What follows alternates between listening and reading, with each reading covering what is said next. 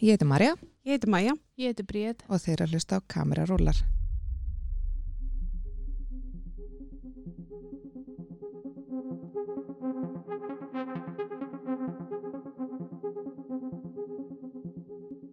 Hjá okkur setur Þurriur Blær, leikona og rappari. Vertu velkomin. Takk fyrir. Hvernig hefur það? Ég hafa bara rosalega gott. Já. Sjúglega hress, sko. Já. Það er gott að heyra. Já. Ég, Þurriður, hver er uppáhalds bíómyndiðin og af hverju? herðu, já. Þetta er svolítið erfið spurning, sko. Varst ekki búin að æfa þig? Jú, ég var búin að hugsa svarið, en það bara, þú veist, þeim mun meira sem ég hugsa, þeim mun erfiðar er það. Því, sko, mér finnst maður kunna meta mismunandi tegundir af uh, hérna, bíómyndum, þið vitið. Mhm. bara hver fyrir sig en ég held svona í kjarnan það fyrsta sem kemur upp í hausinn er Inglourious Bastards Ok. er það ekki skautamyndin? Nei, Nei. það er hérna Quentin Tarantino Já, Ég sé hana. ég gerist í, í setni heimstyrjöldinni geggju sena, Já. fyrsta senan sko, ég bara Mhm. hef hort á hana örugglega svona 80 senum Ok. og, og, og svo hugsa ég líka sko, svo horfi ég á, þú veist, uppáhaldsminnumanns eru náttúrulega bara þær sem maður horfir oftast á Einmitt. og ég horfa Lord of the Rings á hverju einst ári alltaf á jólunum Já, þannig að það er jólumynd hjá þér. Það er mín jólamynd og örgulega margra. En já, þannig að svona í kjarnan þá er það svona einhverja svona fantasíumyndir og svona, svona svolítið stóri karaktera Já. myndir en svo líka náttúrulega, sko, af því að já, já, þetta er kjarnin en núna er ég til dæmis með þráhyggju fyrir svona skandinaviskum leikstjórum eins og hérna Rúben Östlund og, og Thomas Winterberg sem örgulega allir eru alltaf að tala um hérna en hérna, Já. það sem er allt annað skiljið, en ég bara kann líka með það það er svona það sem ég er að horfa núna Mhm. en í kjarnan Quentin Tarantino, hann er minn maður Já, sko. minn líka. Ég baði hann um að giftast mér. ba Bast hann um ekki, Mhm. persónulega Já. hittur hann, Já. í alvörinni Þegar hann kom inn til Íslands og var með svona einhverja um, kvikmynda hátíð einhverja og sínd okkur einhverjar þrjár komfúmyndir sem voru ekki skemmtilegar. Ég var bara að horfa á hann allan tíman. Vá. En hérna, já, þá fór ég og baði hann um að giftast mér. hann sagði hann ekki já Hann sagði að ég væri cutie og sweetie en ég er anþá byggt svari. damn En Já. hvað er það? Við erum alveg þar alveg rétt, við erum alveg búin að heyra þetta, þessi nöfn, þessi skandinaviska nöfn, þú veist, hvað er þetta? Af hverju er þetta allt í enn eitthvað svona að koma núna? já, ógislega fyndið sko þetta er eiginlega þeir eru náttúrulega Tó Thomas Winterberg og Rúben Östlund báðir uh, er að vinna þið vitið alla Óskarana núna og, og eitthvað svona og öll, Já. öll velunin og bara heimurinn er að missa sig ég fór að hugsa Skandinavar hafa meira leifi til þess að leifa hvítu miðaldra kallmennum að skína af því við erum svo framarlega í feminista baráttunni, veitir hvað ég við? Mhm. af því ég dyrka þessa myndir en svo er ég eitthvað mm, þið veitir, drug er bara um fjóra miðaldra kallmenn að vera miðaldra og fullir og leiðilegir við konurnar sínar og konurnar eru frekar tvíviðar og leiðilegar og Bara eins og exit, þetta er bara svolítið svo leiðis, eða ekki bara? í, já, jú, smá í rauninni. Eða þú veist, það er svona þetta er svona hérna ég er eitthvað, huh, en þeir hafa leiði til þess að gera það. Þú veist, Hollywood leikstjóri mætti eiginlega ekki gera þetta Já. Ekki dag. ekki ef hann ætlar að vinna eitthvað svona þið veitir, eitthvað Óskarinn eða eitthvað svona rosalega prestige velun þetta má í Marvel skilji en ekki Mhm.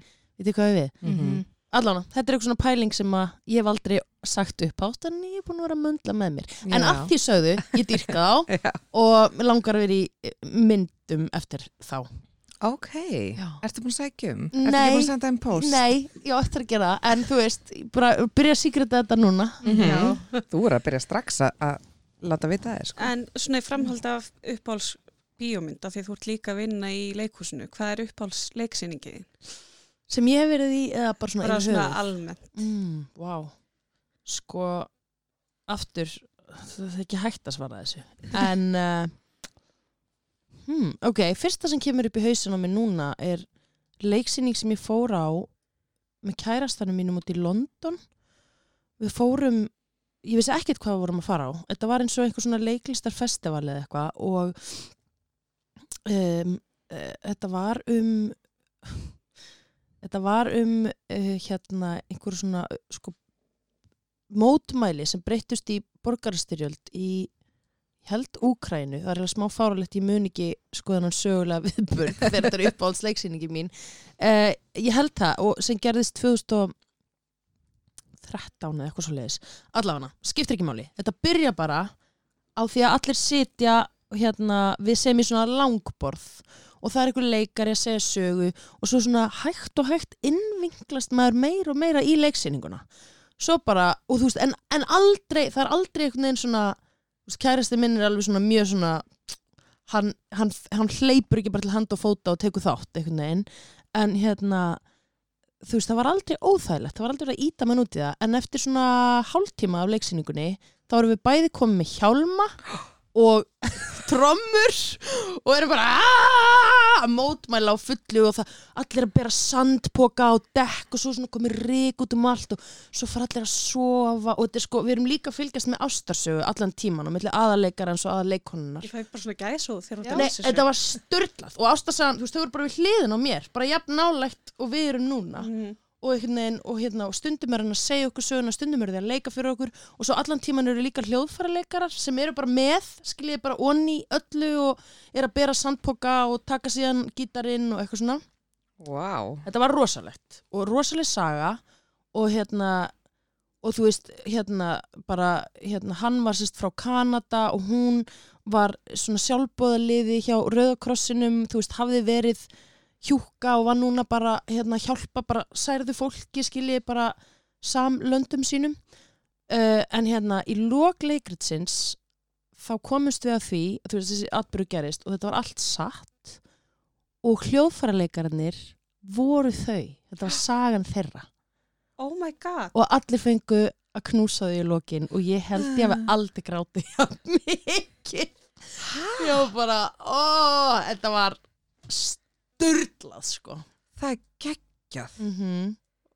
Vá, þetta er bara Þetta er líka bara það sem að leikhúsi getur gert. Já, Þú veist, að skilja eftir svona upplifun og maður fari heim bara Vá. Já. Svo myndur reynda sumi segja núna sem að er að hlusta kannski að sko þetta er einmitt svona leikhús þar sem að tilfinningarnar algjörlega bera mann ofurliði og maður fer aldrei í sko fjarlægð og fer að hugsa og þess vegna man ég ekki einu sinni eða skiljið, þetta ætti að vera Já. leikur sem vekum mann til umhugsunar og, og maður hugsar, hérna ó, við verðum að passa upp á fólki okkar og við verðum að passa Mhm. svona gerist ekki aftur eða eitthvað svona, ég man ekki svona, hvaða land þetta var, Já. ég held þetta að verið Úkraina, en ég er ekki viss En síðan Skilja. hefur fólk bara mismundi upplifunir á leikhúsi já, Þú veist, Ég bauð pappa og konuna svo frumsýng og Mara sat um daginn í, já, og þau komu heima alveg stjörf bara og ég er búin að vera alveg, þetta er ógisla flott sýning og, og bara mælum með og bara allt svo ógisla flott. Mhm, og og þau bara, við bara vorum ekki að fatta þetta, þau veist, fyrir hlið og, nei. og þau veist, og ég leik, já, ok, þú veist, þau er náttúrulega aðeins öður sér þengjandi. Já, einmitt.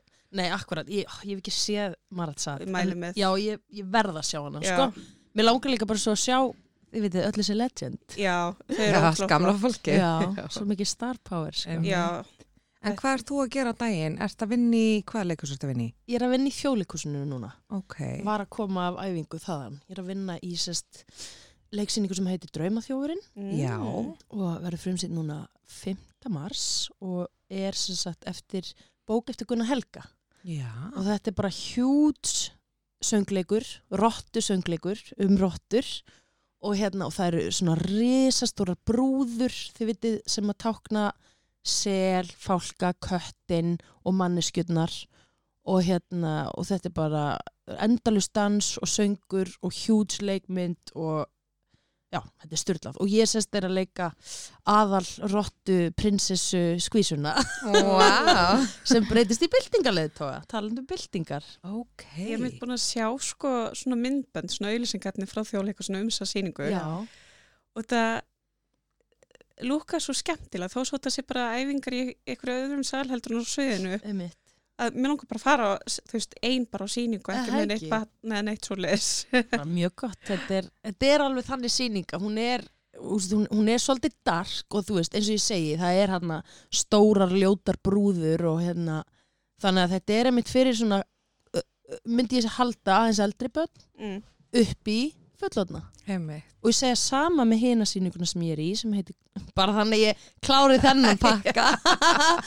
Hvíta tíkristýrið uh, það er líka barnasýning en hún er í borgarleikusinu og hérna uh, það er samstarfsverkefni sem sagt með borgarleikusinu og uh, hérna kærasti minn leikstýrið henni er mitt og hérna um, og það er svona önnur leiksýning sem er svona þú veist, hún, þetta er barnasýning.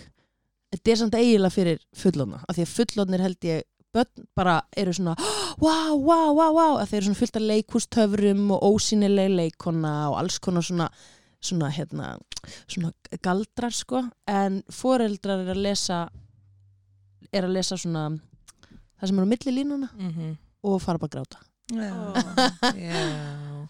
Ok, það er geggja. Já. Já. Ertu það fastraðan í þjóðleikursinu?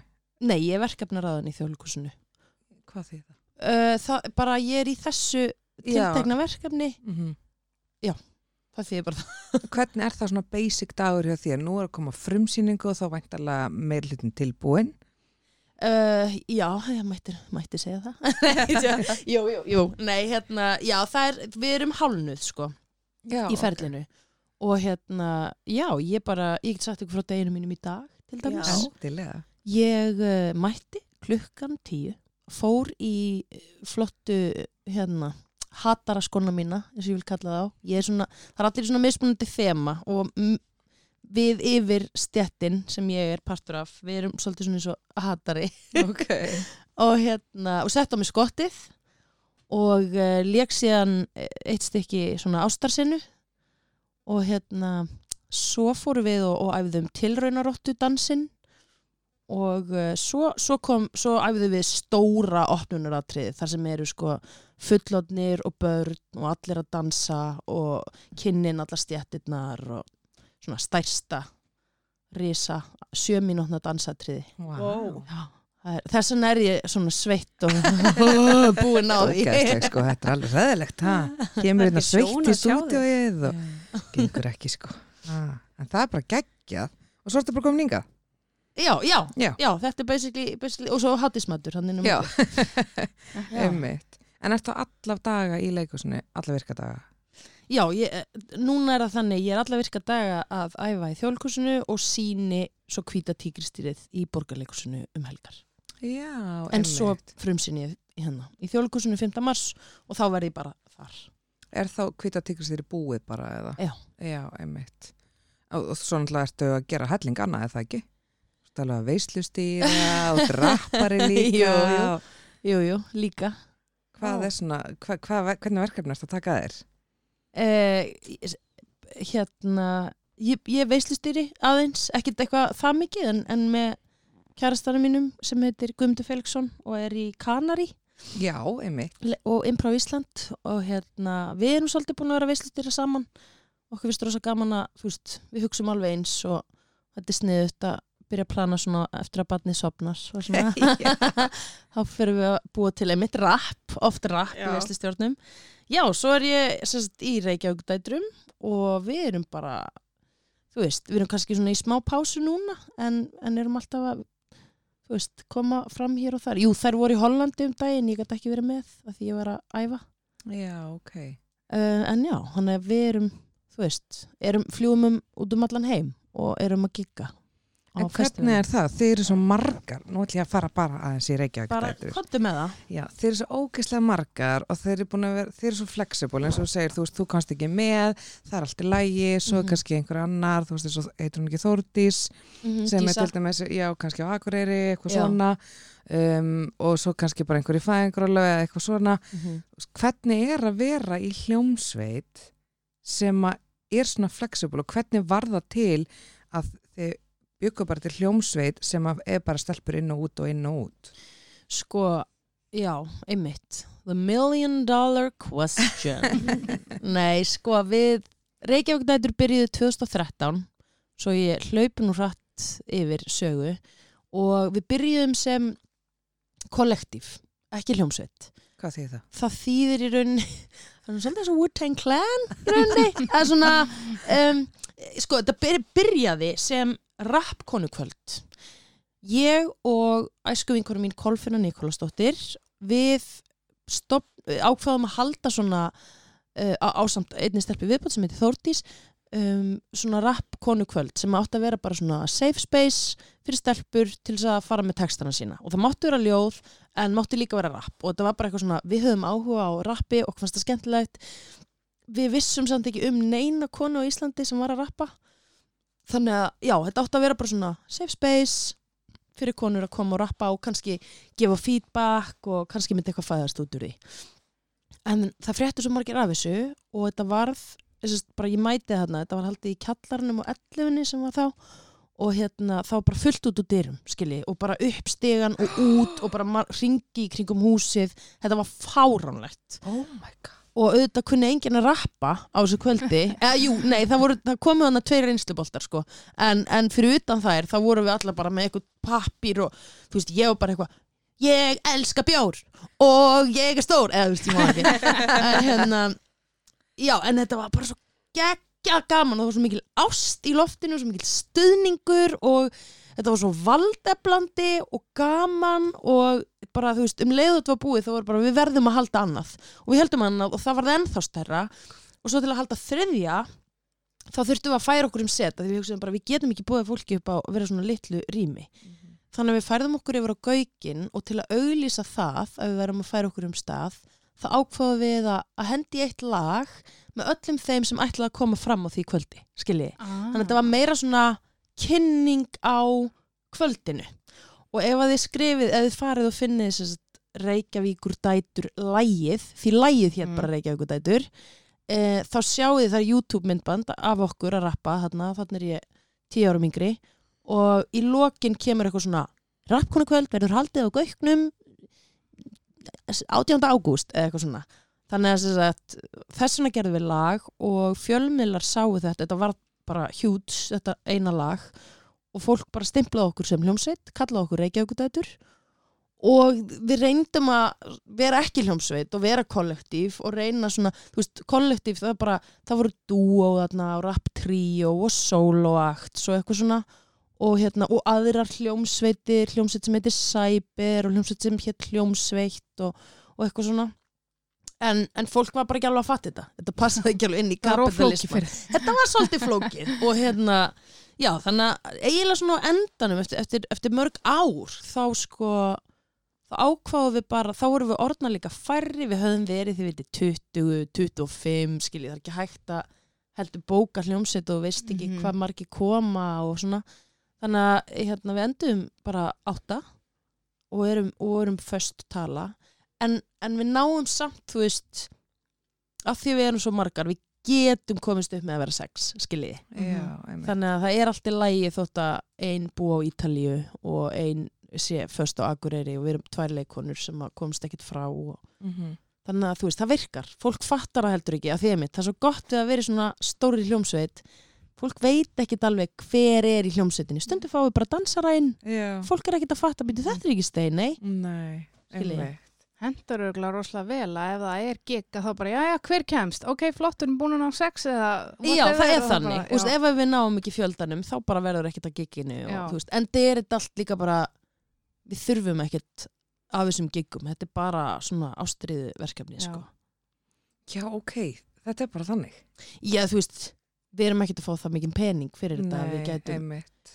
og ef við fáum einhvern pening þá setjum við hann alltaf í sko eða þú veist, jú, við erum aðeins byrjar að borga okkur laun, Mhm. skiljið, bara Já, að við hefum börn og eitthvað Mhm. en, en við setjum svo mikið pening bara, þú veist, ef við fáum eitthvað þá fer það í álfgrím vinn okkar sem gerir það nokkuð TikTok eða í að borga flug hingað eða í að gera myndband, skiljið Já, em, bara í hljómsveitina í rauninni. Já, Já, og bara vinnuna við hana. já, af því að já, eða þú veist, en þetta er allt rekið á núli, sem Já, já. eða skiljið En hverjir eru þá þessir átta í hljómsveitinu núna?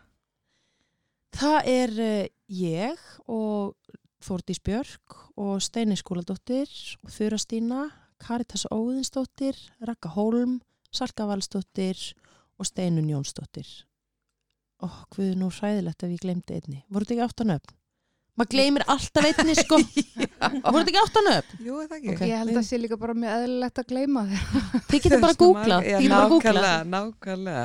En síðan tókuðu þátt í söngvakjandu sjónvarpsins. já, Hvernig var það, þú veist, og af hverju ákveða að fara í það?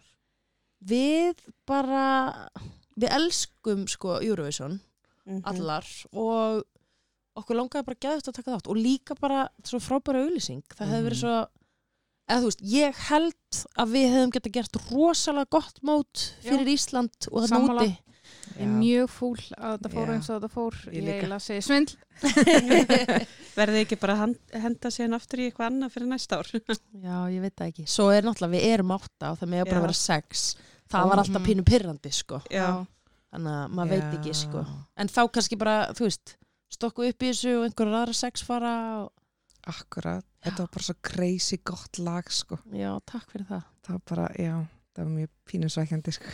Ég er sammála þegar það getur gert Ég er mjög náttúrulega góða hluti. brjálið, sko. Já, En síðan þið fóruð og spiluð á hróaskildu. Ég veist Mhm. það alveg geggja. Það hefur alltaf verið svona efsta bucketlistanum mínum sko.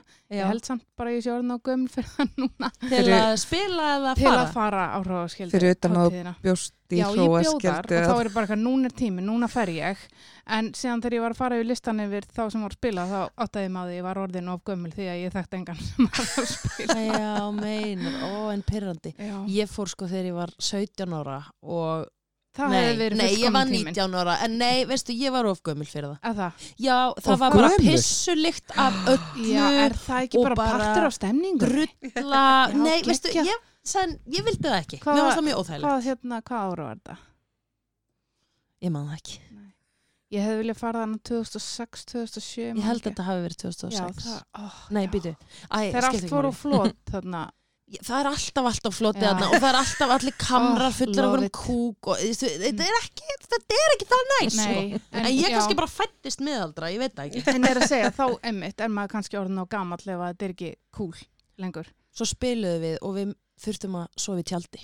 Já, og þá saði ég nei en við fengum þó klósett og aðstöðu, sturtu aðstöðu og allt þannig sko, Já, en já. við þurftum að sofa í tjaldi. Já. sjokkrandi, ég veit, það var umlegt Ég hef alltaf haldið að ég myndi bara fá hótelherbyggi bænum með eitthvað skilur. Hótelherbyggi í Já. bænum held- hef bara, í þú veist, það er ekki langt inn í köpen sko. Nei, en Samt þetta er þetta alveg. líka sko þú veist, við hefum alveg getað spilað og farið en þetta er Já. líka eitthvað svona, vil ég ekki vera á hát, Mhm. þú veist Já, við skil. mætum á já. hátíðina og jú, soundcheckuðum eitthvað daginn áður, ég mani þetta ekki alveg þetta var fyrir, þetta var fyrir átta árum. Já. Þetta er, en þetta er þetta geggja upplifin. Síðan ertu ekki gaman. bara leikúspíja og rappari, þú ert líka búin að vera eitthvað í svona þáttagerð og kvikmyndum og síðast í villibráð Já, sem var æðislega til hamingju. takk fyrir það og þarna en þú veist, hvað var, er eitthvað svona lang, þe- þegar þú byrjar í, í þessum bransa, langaði eitthvað meira að vera fyrir framann myndavölinu eða í leikhúsinu? mm, Góð spurning. Sko, ég vissi alltaf að mér langaði að vera leikona Aha, Já, bara frá því ég var á leikskóla sko. Já. þá langaði mig alltaf að vera leikona en ég vissi samt ekkert hvort ég gæti eða þú veist þetta var svona draumur en ég var ekkert að hugsa eitthvað svona svo ger ég þetta og ég sæki hérna um og ég geri svona. Þú veist þetta var bara svona mér langar að vera leikona af því mér langar að leika mér basically. Mhm.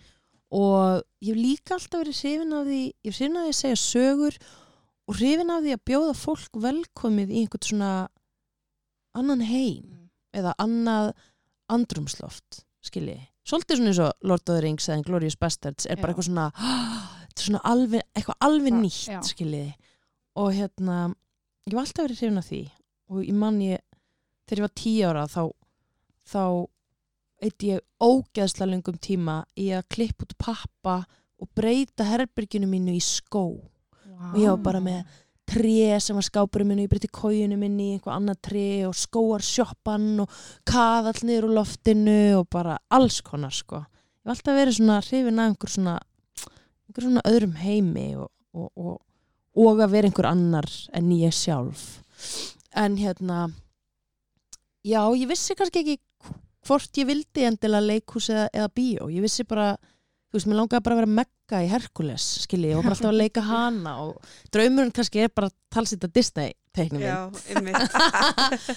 en hérna um, já, svo svo hérna svo fór ég í, í skrekk þegar ég var 14 ára og þá hérna voru hérna þrý strákar að leikstýra og þeir þeir höfðu svakalega trú á mér. Þú veist, Mhm. þetta var í fyrsta sinn sem ég bara las texta og hérna prófaði að leika. Og þeir, sko, ég gleymis aldrei.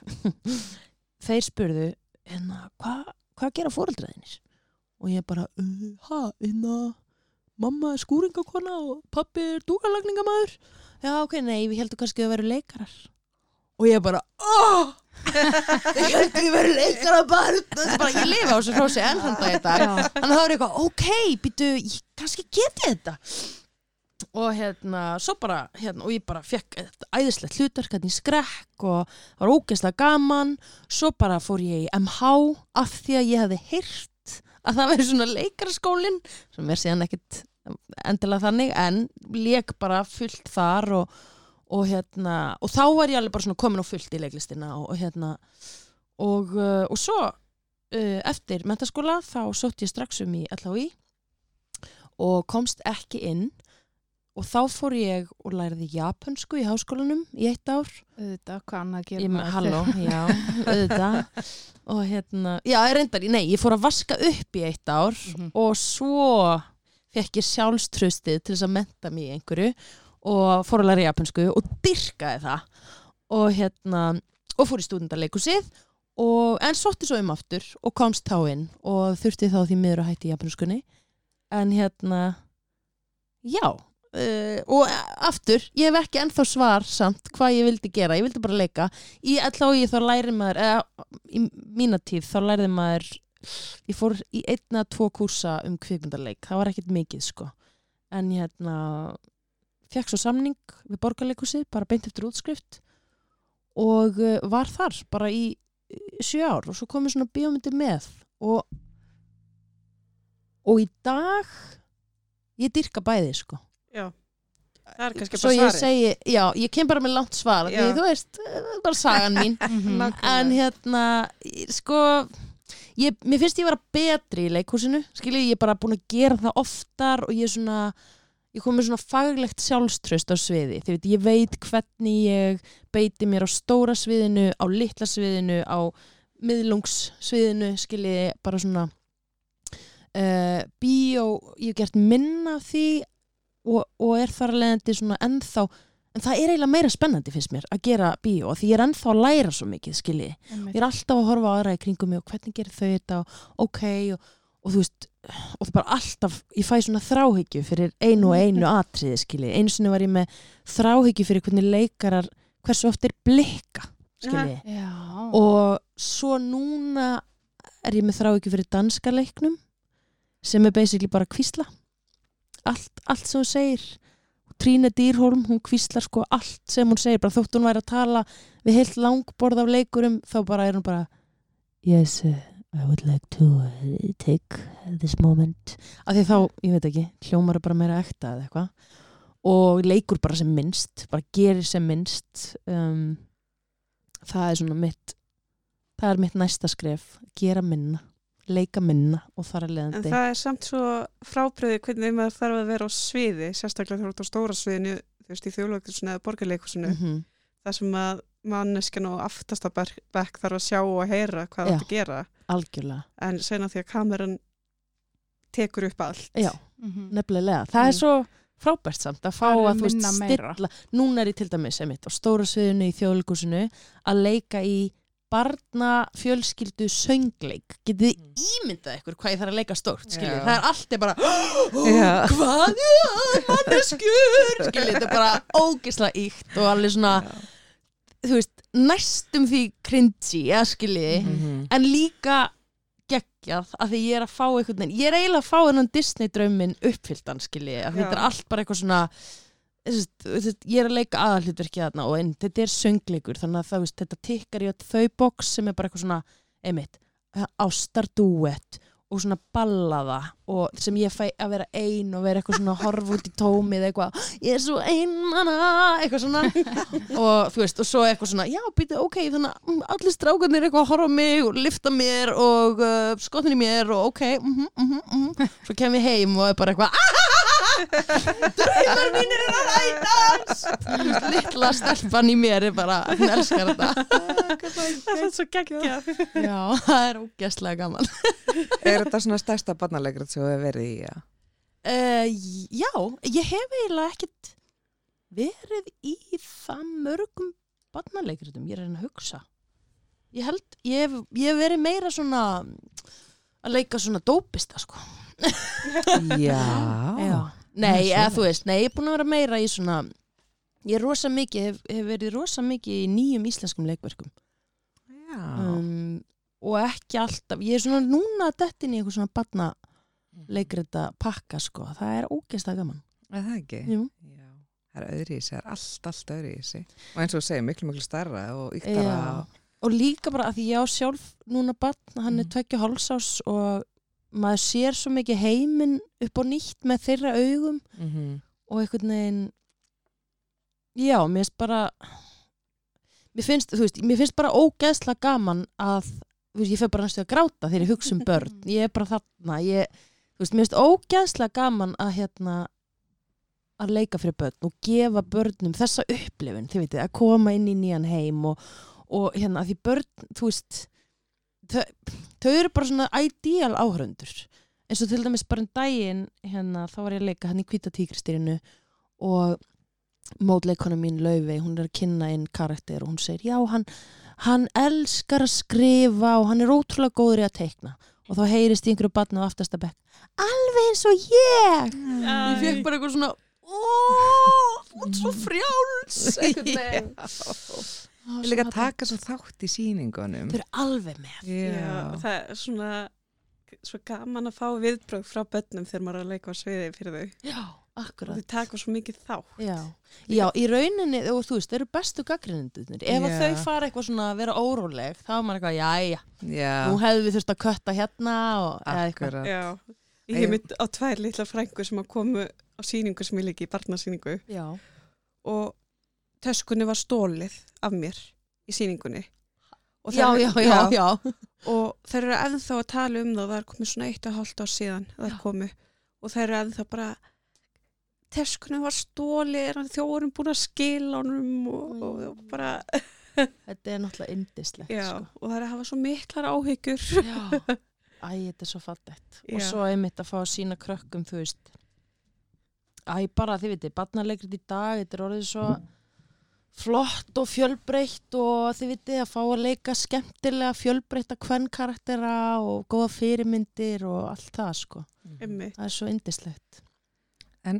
Hérna, nú ert þú að skrá hjá hérna, Creative Artists Iceland, eða ekki, Jú, sem hérna leikuna. já. Hvað, þú veist, hvað af hverju skilur vel, velur þú þér, nú er ég bara forvitin um svona umbósmenn, Okay. velur þú þér hvern þú vilt vera hjá eða velja þeir þig? Essin Es- umbóðsmenn. Já, Ú, sko, mm, hvernig, hvernig ferðu á skrá hjá þeim, skilur ég held að það séu bara tvær umbóðskrifstofur á. Íslandi. Móðurskipið og Creative Artist Iceland. mm -hmm. Kannski hefur reynd fyrir mér. Nei, en það, ég held að það sé rétt, sko. Já. Já. um, sko Átni sem, er, sem ég er hjá hann í rauninni hafði bara samband við mig þegar ég var á fyrsta árinu mínu í borgarleikusinu, þú veist ég var bara nýjútskrifuð útskrifuð og um, þá var ég að leika, byrja að leika í bíómynd og ég man, mér fannst það, það óþægilegasta sem ég veit er að tala um peninga Já. ég bara, ég, ég skil ekki alveg peninga og sko Guð forðið mig frá því að reyna að sitja inn í herbyggi með einhverju fólki sem langar ekki að borga mér pening skiljiði, Mm. og vera eitthvað hei, ég þess virði að fá svona mikið skiljiði, og byrju, hvað er yngvar er að fá já, ok, byrju, þá á ég eða skiljiði, ég veit ekki hvað Já, ég skil, já. Já, hvað maður að byggja um og alls konar. Já, Já. En hann í rauninni gerir þetta fyrir þig hann þegar þú um, fær verkefni. Já. Já. hann semur og, og dílar um allt svona öll, öll, öll peningamál og, og er þá líka inn í, þú veist, hann er með svo marga hann veit svona hvað reytið er skiljiði, þannig að já, það er útrúlega gott að hafa eitthvað sem að bara er með yfirsýnina og, og veit hvað reytið er þessa dagana skiljiði En á þessum nótum er eitthvað sem að, svona í bransanum almennt, hvort sem það er leikhúsin eða kameruvinna, er eitthvað sem, þér finn, eða sem þér finnst að mætti breytast? uh, í, í þessum bransa Já. um, uh, já, já, já já, þú veist eh, ég meina þetta er náttúrulega ekki fjölskylduvænt jobb sko. Nei. þú vinnur já, í, það sem mætti breytast væri kannski bara að leikarar fengju hærri laun yfir höfuð, hvort sem þeir eru í leikhúsi eða í bíó, af því að já, fólk er að vinna svo, þú veist venjulegu leikari í leikhúsi vinnur frá 10 til 4 fær frí 2 tíma og vinnur síðan frá 6 til 11 það er venjulegu dagur. Hann mæti tvisasunum í vinnuna uh, hann vinnur á kvöldin, hann vinnur um helgar hann fer enga sko ekkert álag þótt hann sé að vinna um helgar og kvöldin og þú veist, þetta eru algjör lálunastörf um, og sömulegis, þú veist allt hitt, uh, hérna auglýsingar og kveikmyndir og þú veist, þetta er, þetta er ekkit þetta er ekki mikið sko og Vá, hérna, en samt þetta 12 svona tíma bara. vinntímar í Já. bíó og svo leiðis stundum Einmitt. Og þegar setur þetta samt upp svona, ég hef aldrei pælt í þess að því að maður ekkert með henni hugsa bara, ok, þið eru þarna frá 10 til 4 eða eitthvað á einhverjum æfingum, svo ekki bara frumsýning, þá er bara sýningar um helgar, en alltaf, þú veist, þá, þá jafnast þetta út einhvern megin. Já, eða þú veist, ég er auðvitað að tala núna um fastræðanleikara, Já, já, en flestir einmitt, já. leikarar eru sko, einmitt, vinn í leikhúsi og í bíó og í Mhm. auglýsingum og er að lesa tvær eða þrjár bækur fyrir Storytel og þetta er ekki bara því að þau vilja það, heldur þau þurfa það Já, til þess að eiga pening. algjörlega. Þetta er náttúrulega bara svo líka svo mikil verktakavinna á móti, sko. Já. En þú ert að lesa hjá Storytel. Talandum. Já. en hvað, hvernig finnst þér svo vinna? Mér finnst hún æði. Mér finnst það ógæslega gaman að fá að, að vinna við að lesa, sko. Þetta er bara svona, sérstaklega þegar maður var bara einn einhvern veginn í klefanum og þú veist, og maður fekk bara að gera þetta allt á sínum tíma og þú veist, nú er ég búin að vera í þessum bransa smá lengi, sko. komið okkur tækjumenn sem er náttúrulega bara æðislegt. En þeir svona klippa bókina, sko, jafnóðum. En hérna, en hérna, ég var ofta að mæta bara seint á kvöldin og bara með teppi og te og bara, mmm, Ó, næs. Já, það var geggja og ég lifi mig líka alltaf svo inn í bækurnar og það, þú veist, það er enda hræðilegt núna eftir ég eignast barn taldum að vera í svo meir alltaf og hérna, sko núna ég svona semi get ekki tekið að mér verkefni lengur af því að ég meðaltali græt tvisasunum í hverju sessjóni sko. það er bara, veist, ég, ég lifi mig alltaf mikið inn og ef það er eitthvað sem tengist börnum, veist, ég las kastanjumannin til Já. dæmis sem er bara ókslega fræg glæpasaga og ég elska svona glæpasögur sko, eða elska því og þannig var ég nýbúin að eignast barn. Ég þurfti bara, ég sagði, þá var ég tæknumæður ég sagði hann, fyrir ekki að ég verð aðeins að fara afsýðis og svo var ég í burtu í klukkutíma bara að öskurgrænja Ó, að því það var eitthvað svona ógeð í gangi, ég bara gata ekki. Oh my god. en, en að því sögðu þá, ég, veist, það er bara svo frábært að hérna, fá tíma til að lesa.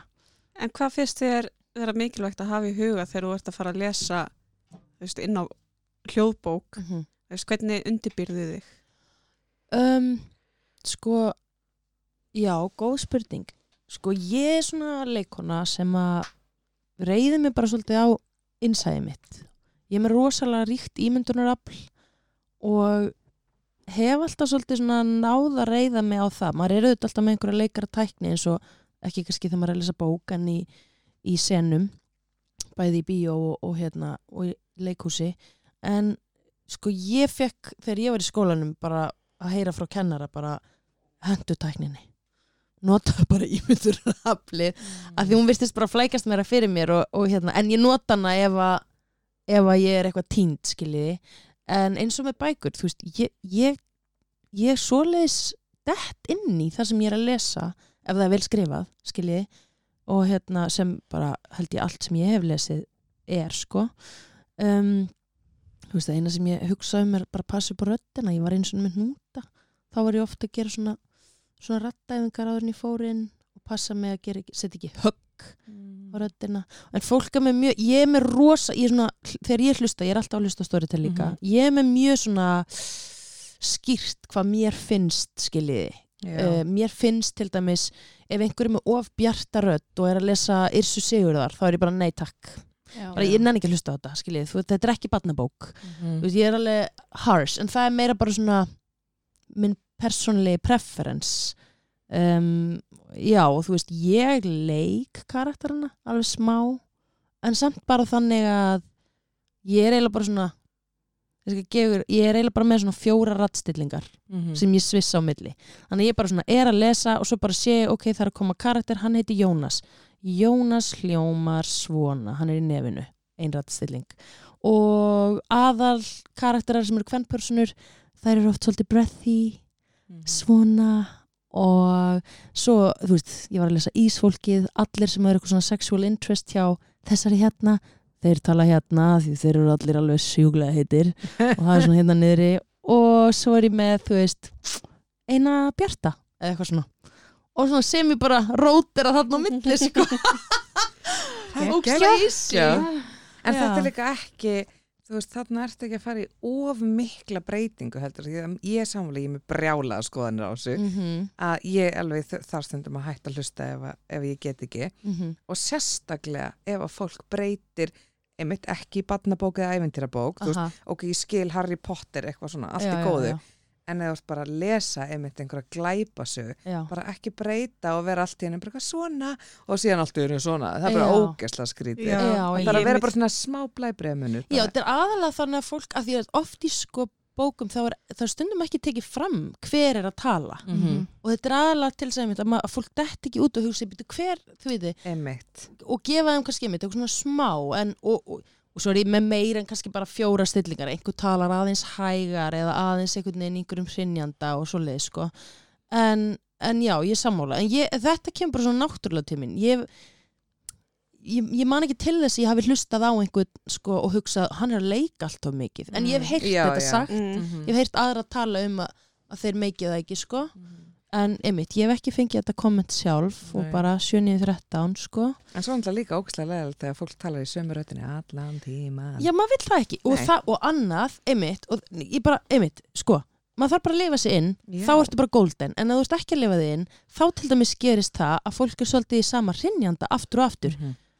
Hún Eva fór og fór í búðina og síðan kom Símon og fór með henni og síðan kom þessi og da da da, skilji alltaf saman saman mann enni því ekki, Nei. en það þýðir líka bara að viðkomandi lesari er bara í vinnunni Já. hann er ekki að lesa þessa bók Nei, nákvæmlega. Það er samt svo leiðilegt að því að maður les stundum svona um hvað bókin er og maður er áhugavert og byrjar að hlusta og sen getur maður myndi ekki Mhm. hlusta á bókina því að lesarin er bara í vinnunni. Já, Og- það er synd Já, sko og síðan er sko hef ég hlustað á glæpasagnaserju mm -hmm. Það sem var sami lesarinn og bara maður er búin að venjast í bara þetta voru átta bækur eða eitthvað Já, í síðustu bókinu var skipt um lesara já Skilit ekki. erfitt sko og ég hafi bara erfitt með þetta. Já. Mér finnst þetta vond, sko. Já, Ég bara, ég er í svona serju. Já, sem þú ert að lesa núna Nei, Já, hlusta núna já. Og það eru þrjár búin að skipta á milli sín og ég er að vera crazy ég lesa með að, eirónum að, að, hérna, að næsta bók er líka með öðrum. Ég er alveg, já. Já, þetta er, þetta er synd sko. En svo er þetta svo fyndið Svo er bara persónulegu preference, preference hvers og eins einhvern veginn, veist, ég held að ég er örgla að leika mikið fyrir einhvern eða lítið fyrir já. einhvern annan og, Það var einhvern tímann einhver sem saði mér að, að hérna, að því að ég var alltaf eins og þegar ég var að hlusta podcast og eitthvað svona, ég hætti að hlusta út af því að einhver rödd fór í töðunar og eitthvað, Já, en síðan var sagt við mig, þú veist, ef að þetta er nógu spennandi mál, þá hættar að pæla í þessu eftir smástund Mm. og það er alveg rétt samt, það Já. er alveg, þú dettur alveg inn þetta hættar að bögga þig eftir smástund, sko. Já. En, sko Já. ef mér finnst lesarinn lesa of hægt þá er ég með einum og hálfu Já, hlusta hratt einmitt Ég hef alveg gert það líka sko Hæ, ég hlust á alltaf svona tveimur. Ég Í ég, sko ég veit að ég get Ég- hlustað á Þórinu Klásen á réttum hraða Já. Ég held sko að þið ættu að lesa örlítið hægar til þess að væri hægt að hraða þessu. Er það ekki þannig? Áttu bara að lesa vennilega. ég veit ekki, mér veit allir lesa svo hægt. Í alvörunni? Já. Vá, nei, ég held að fólk sé bara að lifa sig inn En svo, njú, ok, ég veit hvað þetta er Við fáum auðvitað að borga fyrir lesin klukkutíma Er það ekki? Þannig að Já. þeim mun hægar sem við lesum bæði þeim mun ólíklegra er að við rugglumst Já. og þeim mun meira fá við borgað fyrir hverja bók Já, það var líka bara að lesa skýrar og eitthvað svo leiðis. í rauninni, já, þú Já. veist maður, að því annars get, eh, á maður á hættu að rugglast sko. En að því að þú sagðir á hana stundum varstu bara að fara kvöldin með te í kósi og eitthvað, Mhm. varst bara ein er þetta eitthvað öðru í sér núna? Eða hvernig þarf þetta að mæta á einhverjum ákveðum tíma? ég veist, núna þarf maður að mæla sér mót við sko tækni mannin sem Já. er alltaf með manni og er alltaf að hlusta og ef maður rugglast eða þú veist, eitthvað þá hérna, Það er þetta bara að gera strax já og hérna, já, en svo líka færi ég eitthvað kvöldi núna því að nú er ég bara Já, Þannig. já, einmitt. Ok. En talandi um þetta, þá er ég svo forvitin hver undirbúningurinn þinn er þegar þú fær handrið í hendurnar eins og fyrir þættið að bíómyndi. Heyrðu, já, sko, hann er ég er ekki með eitthvað eina tækni. Mhm. ég vildi ég gæti sagt ég væri með eitthvað svo leiðis en mm, það fer eiginlega smá eftir bara sko tímanum sem ég hef og eiginlega bara svona hvað kemur til mín. Já, einu sinni var ég að leika í síningu sem sagt bara fyrsta sem kemur til mér núna 1984 já, sem að hérna er í svona, er í svona, svona kommunista einræðisríki skiljiði, svona dystopía. Og af einhverjum ástæðan þá hvað ég að byrja að leika það, þann karakter í, með einhverju svona holningu. Þið veitir að hún þyrfti alltaf að vera svona superbein í baki og hreyfa sig eins og robot smá með Mm. hausinn eða eitthvað þannig og síðan fór ég inn á við eftir það um, sk- já, sko það sem kannski hefur reynst mér best er eitthvað sem ég lærði einu sinni í skólanum og það er þá komum við aftur að þessum fjórum rattstillingum mm. það er að lesa í gegnum allan textan sinn og þetta er í rauninni rattæfing sko. Þetta er til þess að hérna, virka röddina en líka þú heyrir textan sagðan á mismunandi hátt og þá færðu kannski innsýn inn í eitthvað svona, ó já kannski er hún að minna þetta svona. Þannig að ef ég, tek, ef ég ætla að finna einhver text hérna, fara að fara í messenger og finna einhver skilabóð hérna. Bíðum. Æ, ungvöð, ekki þetta spjall. Ekki þetta spjall Jú, hvað með þetta spjall? slúðri, allt slúðri ok, ok um, ok, hérna er eitthvað einhver skilabóð ok Á, ég, er, er, er, þetta- er skemmtilegt? til. Ok. Mjög spennt. Þannig að sko, ég myndi byrja kannski hérna, byrja, þið viti, þetta heitir hérna um, Lower Male það er þessi hérna Nákvæmlega, hérðan í frá mun ég tilenga mér írskan hreim, borða haggis vikulega og fara í sumarfrí til Wales. Þetta var, þetta er svona, ok, maður þarf náttúrulega að vera búin að gera alla er að ígeta, en ok, svo er higher male, hann er, hann er hérna í nefinu, kalla Nordnin, Nordnin í, í uh, Macbeth. Nei, nákvæmlega, hérðan í frá mun ég tilenga mér írskan hreim, borða haggis vikulega og fara í sumafrí til Wales. Og svo förum við í lower female, sem að heitir Romeo. Nákvæmlega, hérðan í frá mun ég tilenga mér írskan hreim, borða haggis vikulega og fara í sumarfrí til Wales. Svo kemur upper female sem er Júlia.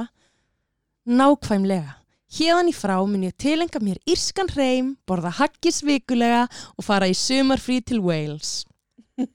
Ok, kannski hljómar þetta allt eins, ég veit ekki hvernig þetta hljómar. Alls ekki, þetta er Ekki. geggjað Og þú veist, svo þú ert búin að gera þetta, þá getur þú farið að sko svissa á milli inn í setningum og finna svona, ah, hvað quality kemur hérna, ok, en ef ég segi hérna, nú er ef ég segi þessa ástarsu setningu eins og hún sé reið, byrja hvað því það, og þú veist, að þú veist bara svona, þá ert að Mhm. explora textan og hérna, ekki bara gera það sem kemur fyrst til þín og ég held að það sé svona það sem að hefur veitt mér mest frelsi kannski. Mhm. en annars bara einmitt, það kemur eitthvað til mín og, og ég, ég eldi það sko Þegar þú færð um, hérna, ha- handrit, byrjar þá að lesa þína línur allar eða bara yfir allt handritið í heild? ég byrja að lesa allt handritið í heilt Já.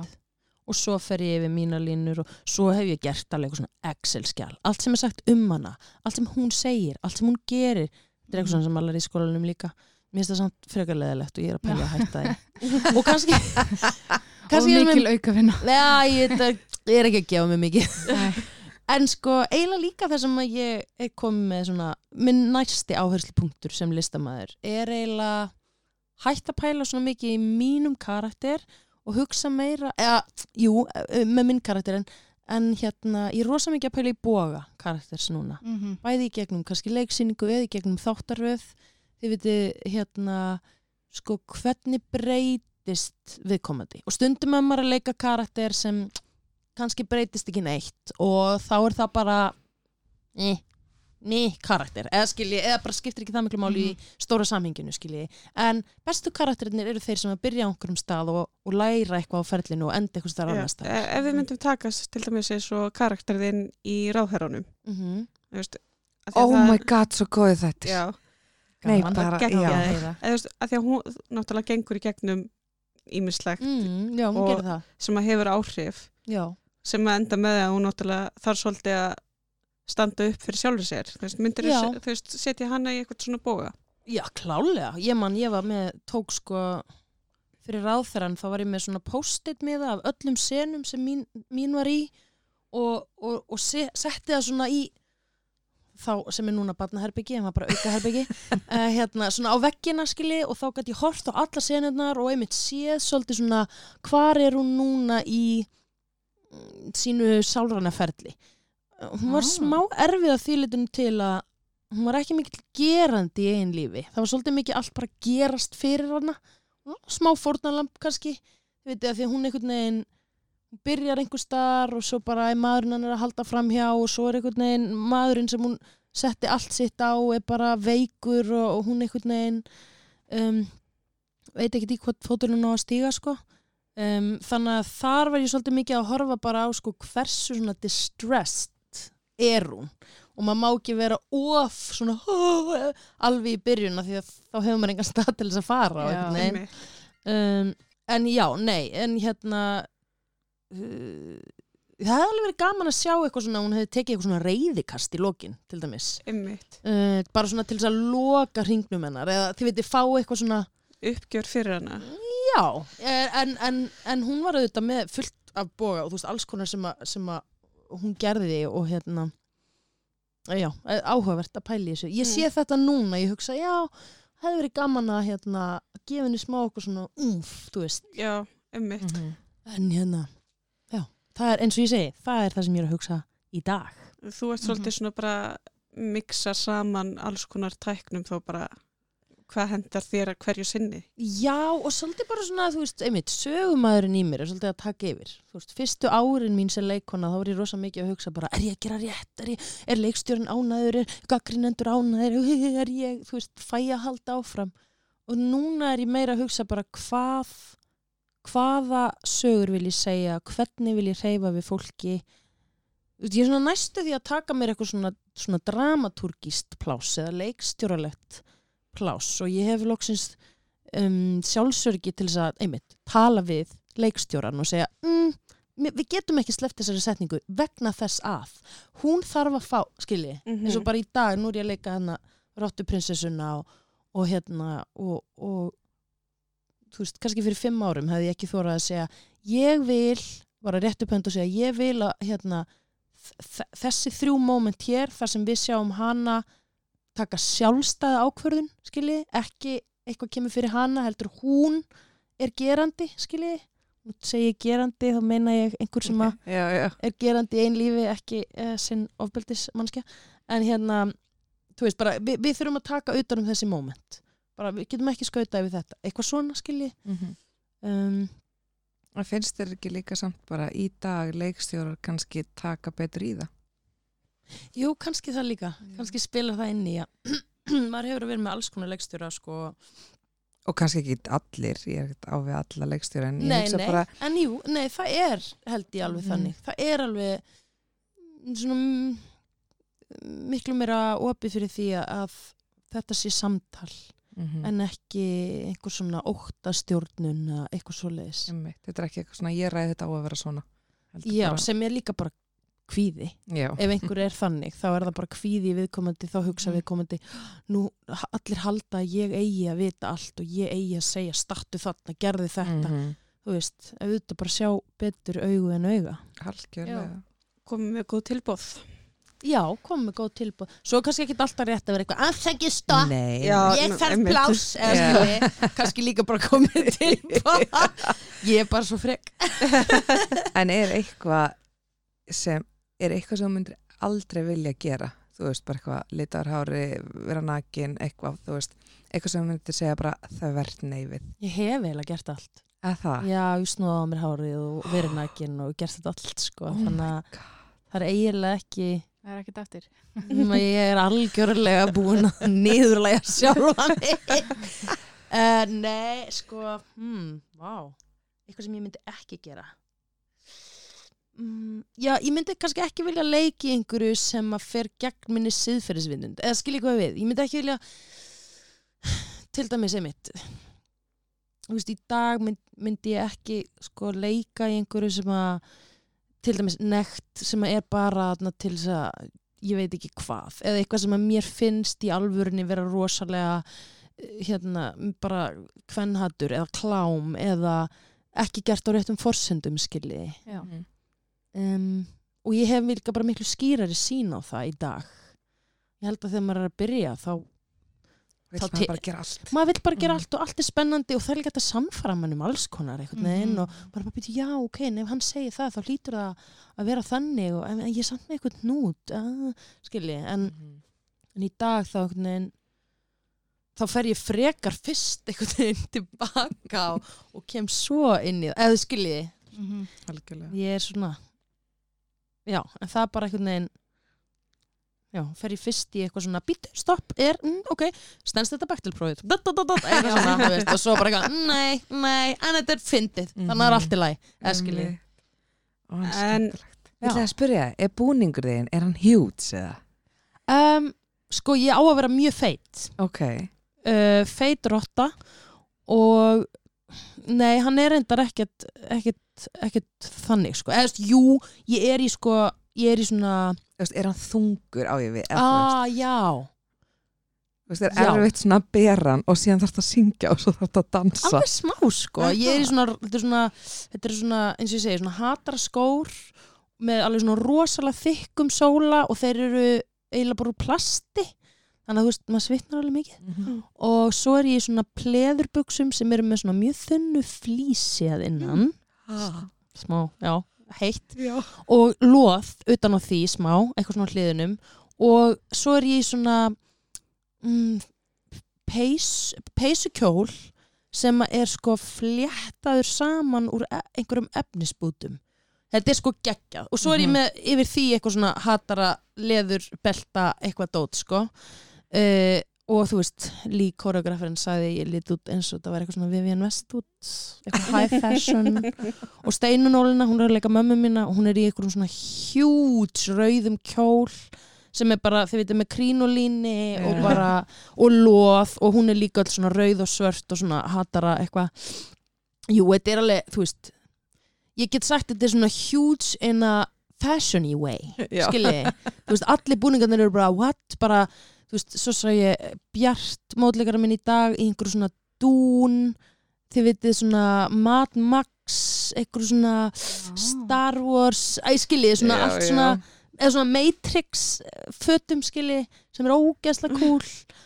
Já, þetta er bara, þetta eru styrlaði búningar, sko. En það finnst þér ekkert erfitt þá að vera að syngja og dansa í þessu?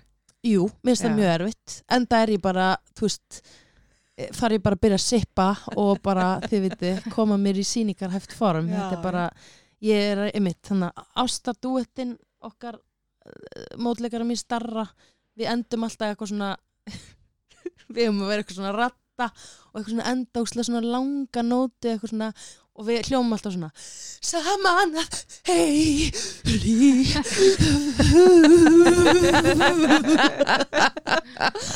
og við erum bara eitthvað svona ó, við erum bara svo gömur það er alveg hræðilegt sko. En hvernig heldur þið náið að veist koma ykkur í það form að geta komist úr þessum gýr? þú veist, við þurfum bara að byrja að skokka og ég er búin að kaupa mér sippuband og ég er búin að þannig, kaupa mér eitthvað fótarlóð og ég ætla bara já, og ég er ekki, þú veist, ég hætti að drekka um áramótin og ætla ekki að drekka neitt fyrir en hérna, eftir frumsýningu og bara eða þið veitir, bara alls konar eitthvað svona Já, að, og ég bara krossa fingur skiljiði að hérna að ég verið flott Ég varst ekki um það. En talandum að því að varst að segja á þann þegar varst yngri að þá langaði því svo ókslega mikið bara að vera ykkur önnu persóna. Mhm. Hvern, hvað finnst þér um svona method dæmi? Ertu mikið í því? Nei, ég er smá Ertu á móti? ég er smá mótið veist, nei, ég er ekki á mótið því en sko, mér líður eins og method ég veit ekki um neitt á Íslandi sem gerir, gerir method acting Þú veist ekki vilja vera rotta bara í halda ár og... Nei, af því ég á fjölskyldu og vini og ég hef bara ekki pening til þess að kaupa mér á hótelherbyggi og, og vera eitthvað að horfa á mig í speklinum og vera eitthvað, "Ha!" þú veist, ég bara, og ég nenni því ekki og mér finnst það alveg bara- smá astanlegt. Getur ekki bara upplifað sem rottu heim, á heimilinu að, bara, að maðurinn sé bara æni, það er rottu gangur hérna. Jú, ég get náttúrulega, hann var öruglega, hann er spunarleikari, hann var öruglega til í eitthvað svona grín með mér, sko. Nei, þú veist, ok, sko, methodleikur, þetta er eitthvað svona Hollywood dæmi. Ég held, sko, ég með svo mörg teika á þetta. Okay. Ok, í fyrsta lagi þá eru bara kallmenn sem gera þetta vegna þess að til þess að vera eitthvað svona methodleikari þá þarf þetta að kúpla því út frá fjölskylduðinni og búi í einhverjum sumabústað í Mhm. marga mánuði og taka fullt af eitulífum eða eitthvað og þetta er bara, ok, sorry, nú, Já, já. ég- nú er ég að vera hérna leiðilega að segja bara kallar en ég bara er búin að hlusta á nógu mörg viðtöl við Hollywood leikonur og Hollywood leikara og svona upp til hóp svona mei, aðalega þá eru þetta menn sem síðan þurfi heldur ekki að taka ábyrð á börnunum sínum, skilji Mhm. en, en konurnar, skilji, Reese Witherspoon Nicole Kidman, þær eru ekki að gera neitt svona, skilji, því þær hafa einfallega ekki tíma og því þær þurfa bara að sjá um börnin, skilji Mhm. Mhm. uh, en líka, sko er þetta að hjálpa fólki það mikið er þetta ekki bara fólk sem er eitthvað svona, já ég er sko að methodleika og þess vegna er ég með heyrnatól alltaf á setti þetta er bara, þú, þú nennir ekki að vera að tala Mm. Við fólk, þú ert bara að reyna að halda þær í karakter ég skil Já, það já. alveg þú veist, þú bara segir, þetta er method en líka svona fólk sem er að missa ókslamur kíló eða bæta svo ókslamurkum kílóum mér finnst þetta bara svona síndamennska mér finnst þetta að vera Mm. bara eitthvað svona afsökun ef þú ert ekki nógu góður leikari Mhm. þá bara breytur þér óksla mikið og fólk krópar húra yfir því Mhm. og þetta er alveg smá hot take af því ég veit alveg um mjög marga svona, þú veist, vini mína sem eru leikarar og bara dyrka hérna, hana, hvað heitir hann sem leiki hann Machinist? Mm, Christian, Christian Bale. Bale. já, Kristján Bale skilji, bara, hann er Og það er ótrúlegu leikari ekki hægt að segja að hann sé lélögu leikari en já, hann er svona methodleikari þegar það kemur að, hann er samt ekki að léttast og, besti leikari í Hollywood. Og hann næra að fela það með því að vera, þið veitir, með rifbein, eða skilji. Ok, mjög hot take, fólk áttur að hata mig er okay. ég er ekki að segja hans í lélugur. Ég er bara að segja, ég held hann sé, hann er hættur þessu ég held þetta hafi verið eitthvað voða spennandi á tímabili, Mhm. þetta methodæmi ég held Já. þetta sé dögt þú veist ég, þetta getur líka bara verið eitthvað svona smá dónalegt, eða þú veist, fólk er Mhm. stundum bara eitthvað svona að ég veit það ekki, en En líka, ég held nefnilega að svona method sé aðarlega til þess að fólk geti talað um það í viðtölum eftir á og það selur myndirna svo vel. Af því að það sem selur myndir best í dag er ekki að heyra eitthvað um myndina, heldur að heyra um slúðrið sem gerðist á setti. Skiljið bara, oh, vissu þið það að Kirsten Dunst og Benedict Cumberbatch þau töluðu ekki saman á meðan þau tók upp þessa mynd. Skiljið, því þá, þá er maður eitthvað svona, ú, ég verð að sjá þessa mynd til að, til að sjá hvort ég takk eftir því Mhm. og sömulegis eitthvað, oh my god, vissu þið að Christian Bale, hann hérna hann borðaði bara eitt pasta á dag í ár fyrir þessa mynd. Ó, ég verð, þetta er svo magn eða skilji, mm þetta er smá svona bara au, í auðlýsingaskinni held ég. Um, En myndið þú aldrei vilja grenna þig eða fita þig, hvernig sem að, maður orðar þetta rétt, um, fyrir eitthvað hlutverk? mm, þú veist, jú, ég hef alveg gert það Mhm. eða þú veist, bara eitthvað svona komið mér að því ég var að leika dansara. Já, ég skil, komið mér í, í meira danshæft eða þú veist, vera meira eins og dansari um, ok, kannski er ég líka bara svona þú veist, ég er ekkert mjög góð í því. Ég er bara mjög léleg í öllu svona ég er með mjög lítinn aga. Kannski er ég bara að segja þetta því ég er ókslega abbót Christian Bale fyrir að vera svona ótrúlega agaður. En mér finnst náttúrulega ekkert endilega eitthvað að koma sér í eitthvað ákveði form fyrir eitthvað hlutverk vera method, skilur. Nú er ég bara að pæla hvort að þú myndi gera það. Þú veist. þú veist, já, ég myndi alveg gera það ef að hlutverkið krefst þess skilji. Um, já mér finnst þetta bara þetta, þetta um, eða það sem að ég hef heyrt um svona method acting er svo, þetta, ofta á svo miklu svona síndarmennsku leveli, það er aldrei verið að tala um leiklistina, það er bara verið að tala um útlitið. Mhm. og útlitið skiptir auðvitað mjög miklu máli en það er ekki það mikilvægasta. Nei, nákvæmlega. En að því að áður þú fórst í pröfu fyrir listaháskólan Já. og komst ekki inn sem fórst í japanskuna Já. getur sagt eitthvað á japansku Hæ, um, watashi no namae wa Burairu desu Úlala hvað þýr þetta? Ok, en stelpur, hvaða rattbeitingu var ég að nota þarna? Bytti, bytti Ah, menn, ég var svo mikið að hlusta það sem var að segja uppi þannig Já, hann segja svona lower female Það er svolítið svona japanska rattbeitingi mín Var það lower female? Já, það segja hana Já. Oh my god, ég var sko með á lista hérna Byði hann um að segja eitthvað í japansku Og hvað það geggja. Hvað varst að segja? Núna, Já. Krút Og að á undan sagði ég, ég heiti Blær. Já, ok. Segir þess að nafni eitt í sig. Já, sko, Japanir mm, L og R er eiginlega sami stafurinn Þannig að Blær er Burairu Ei, hvað það er cool! Uh -huh. Ég myndi alltaf segja að ég heiti það ef ég heiti Blær En bara takk hella fyrir að koma og ótrúlega gaman að spjalla við þig. Takk fyrir mig